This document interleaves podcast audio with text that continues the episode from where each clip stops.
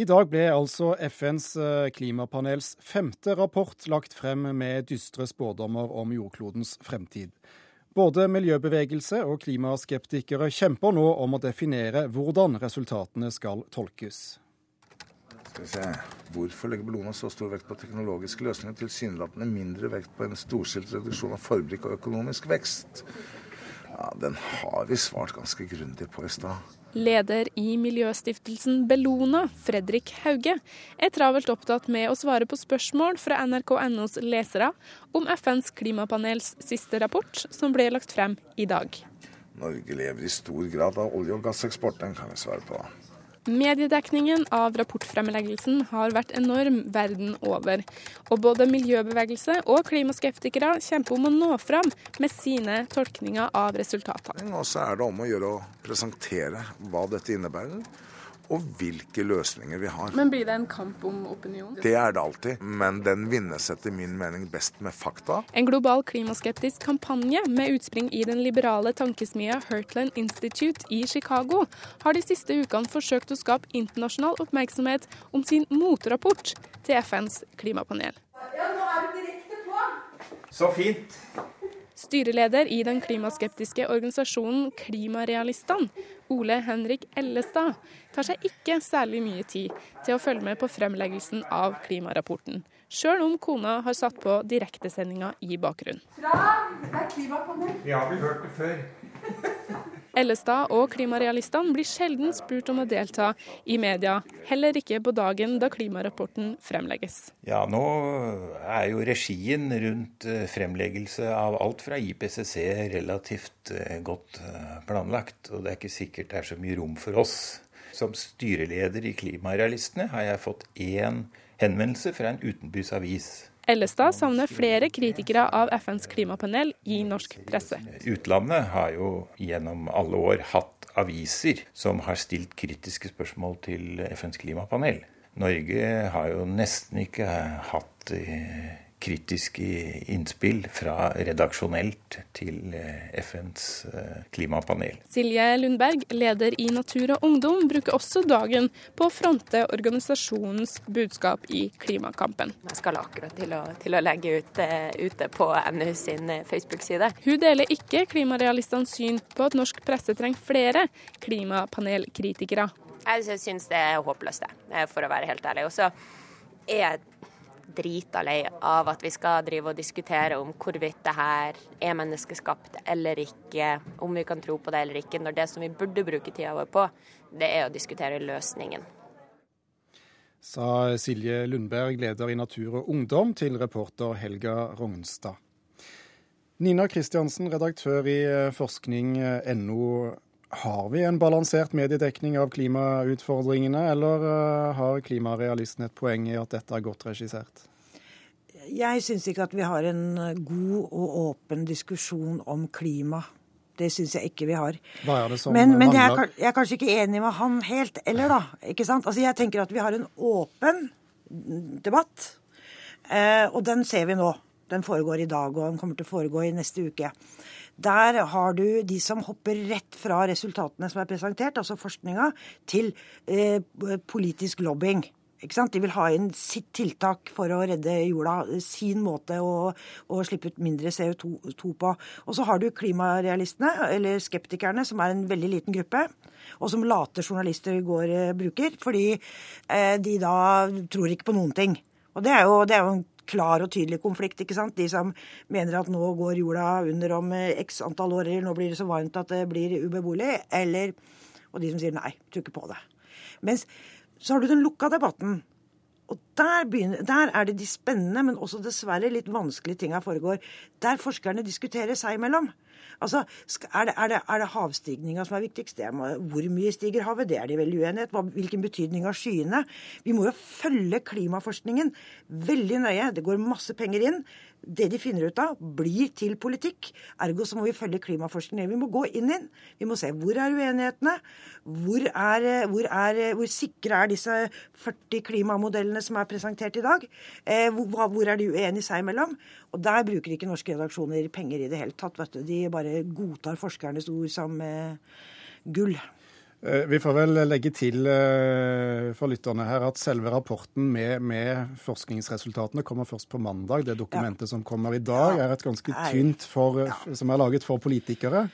Og det er et, det er et sammendrag. Og, det, og det som er interessant med sammendraget av forskningen, det er jo det at den går veldig tydeligere i en retning. Ikke sant? Sånn at, uh, som viser at klimaskeptikeren er litt sånn. Det er litt forbi. Men likevel, det brukes eh, begreper som eh, veldig sannsynlig, lite sannsynlig, mediumsikkerhet, medium sikkerhet, lav sikkerhet og sånn. Ja. Det er greit å, greie ting å ta tak i for mediene og blåse opp veldig ja. sannsynlig. Men det er jo to kulturer som møter. Altså Når en naturviter sier at noe er 95% sikkert, så er det veldig sikkert i en naturviters eh, hode. Det er like sikkert som at sola går opp i morgen. Fordi at En naturviter kan nemlig aldri være helt sikker på om sola kommer opp i morgen. Så 95% sikkert, det er veldig viktig. Men det er uenigheter der. Det er spennende journalistisk stoff, stoff som kan behandles journalistisk. Massevis. Men de, da kreves det litt av journalistene, og så rygger man litt unna, og så skriver man bare om eh, det politiske utspillet, og det blir for dårlig, altså. Roy Krøvel, eh, professor ved Institutt for journalistikk eh, ved Høgskolen i Oslo og Akershus, men også sivilingeniør. Hva, er, er du, deler du Kristiansens eh, syn på, på mediedekningen?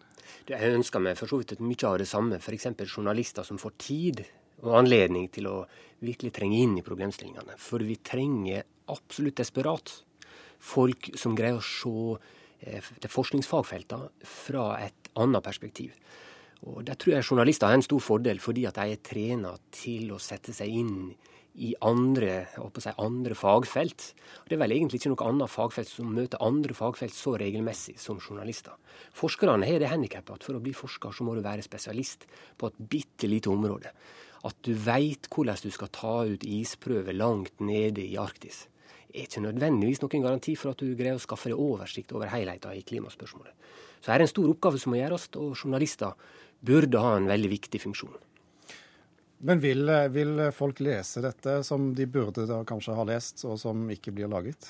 Ja, altså Vi, vi skriver om klima. Det blir mye lest. Vi har eh, ei lita nisjeavis som kun skriver om forskning. Vi har 500 000 besøk i måneden. ikke sant? Så vi kan ikke si at det er lite interesse rundt forskningsresultater. Folk er opptatt av kunnskap. Folk er opptatt av å lese forskning, eller i hvert fall eh, journalistisk behandla forskning, da, som vi har. Eh, vi har dekka klima veldig lenge. Vi, dekker uenigheter innenfor eh, det etablerte klimaforskningen. Penga ligger jo der. Enhver journalist er jo lært opp etter å gå etter penga. Og det regner penger inn i klimaforskningen for tida. Det er jo klart at De kan ikke bare få lov til å konkludere, og så skal politikerne hoppe. Journalister må også følge hva som skjer kritisk. Hvilke resultater får dem? Hva, hvordan kommer de fram til det? Hvor ligger uenighetene, f.eks. når det gjelder skyer, sol, havstigning? Det er mange ting å ta tak i. Det er vel grunn til å tro at dette blir grundig eh, debattert i, i eh, avisene i morgen. Men på norske nettaviser i dag så er hovedsaken en ny landslagstrener og det at et flyselskap ikke greier å fly folk billig til eh, New York. Hvordan er bildet i utenlandske medier? Er de bedre? Nei, altså, Det er gjort nettopp en studie av klimadekning i forskjellige land, og variasjonene er ikke veldig store. Det er noen land som har en enda større grad av klimaskeptikere. USA, Australia f.eks. Men veldig ofte så ser vi det samme fenomenet at uh, avisene og media gjør uh, stoff som egentlig er globale spørsmål, til nasjonale interessespørsmål. Det ser du også i norske valgkampen, at desto nærmere du kommer valget, desto viktigere blir det å spørre hva er det som vil være lønnsomt for Norge. Det er kanskje lønnsomt for Norge å legge om oljeindustrien fordi det er lønnsomt for Norge, men ved å på en måte skape seg tunnelsyn på den måten, så mister en også helhetsspørsmålet i, i global oppvarming. Det kan bare forstås hvis en tenker globalt. Og eh, det virker som vans en vanskelig terskel å komme over. Jeg, jeg, tror nok dette her handler litt om at det er så lenge til.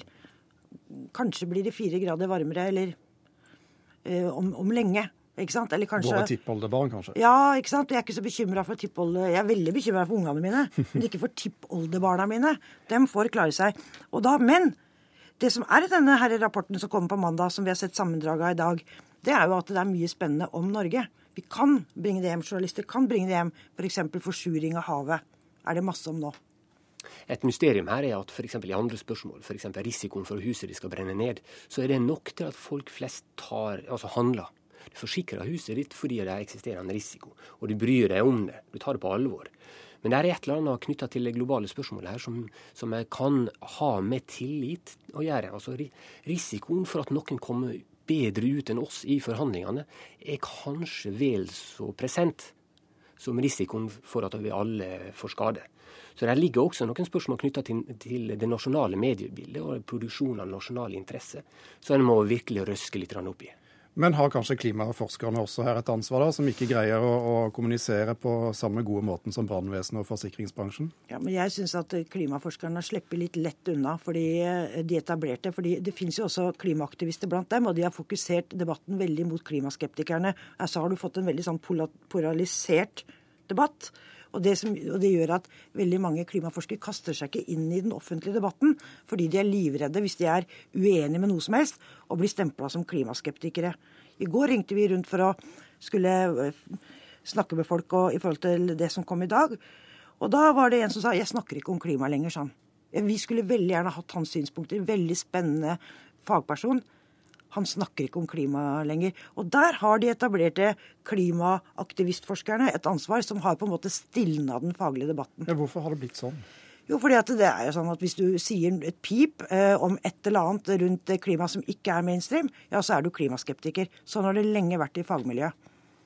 Hvordan kan dette bli eh, bedre? Ja, jeg er ikke helt sikker på om jeg er helt enig i den beskrivelsen. Ehm, jeg tror vel eh, klimadebatten generelt har vært veldig oppheta. Det er nok et faktum at veldig mange kvier seg for å gå inn i den. Men jeg tror ikke vi skal stille for store forventninger til at forskerne skal legge informasjon til rette for oss. Forskere er ikke spesielt dyktige til det. Jeg er forsker sjøl. Jeg veit det. Det er ikke nødvendig sånn at forskere egner seg så veldig godt til å forklare helhet.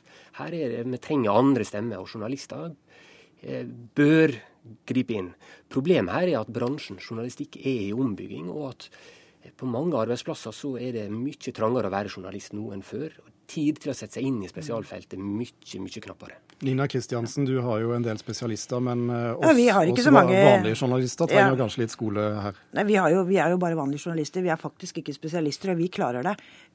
Veldig mange journalister er samfunnsvitere og skjønner ikke naturvitenskap. Vi prøver. Det hender at vi feiler òg, men vi prøver selv om vi ikke på en måte har utdanning eller kan, kan, noe spesielt om det. Det er faktisk mulig. Og forskere er ikke så verst kilder, altså. Det går an å snakke med dem. Hvordan vi snakker om klima får vi nå se på i fremtiden, men at vi kommer til å fortsette å snakke om det, det er det ingen tvil om. Tusen takk skal dere ha, Nina Kristiansen og Roy Krøvel.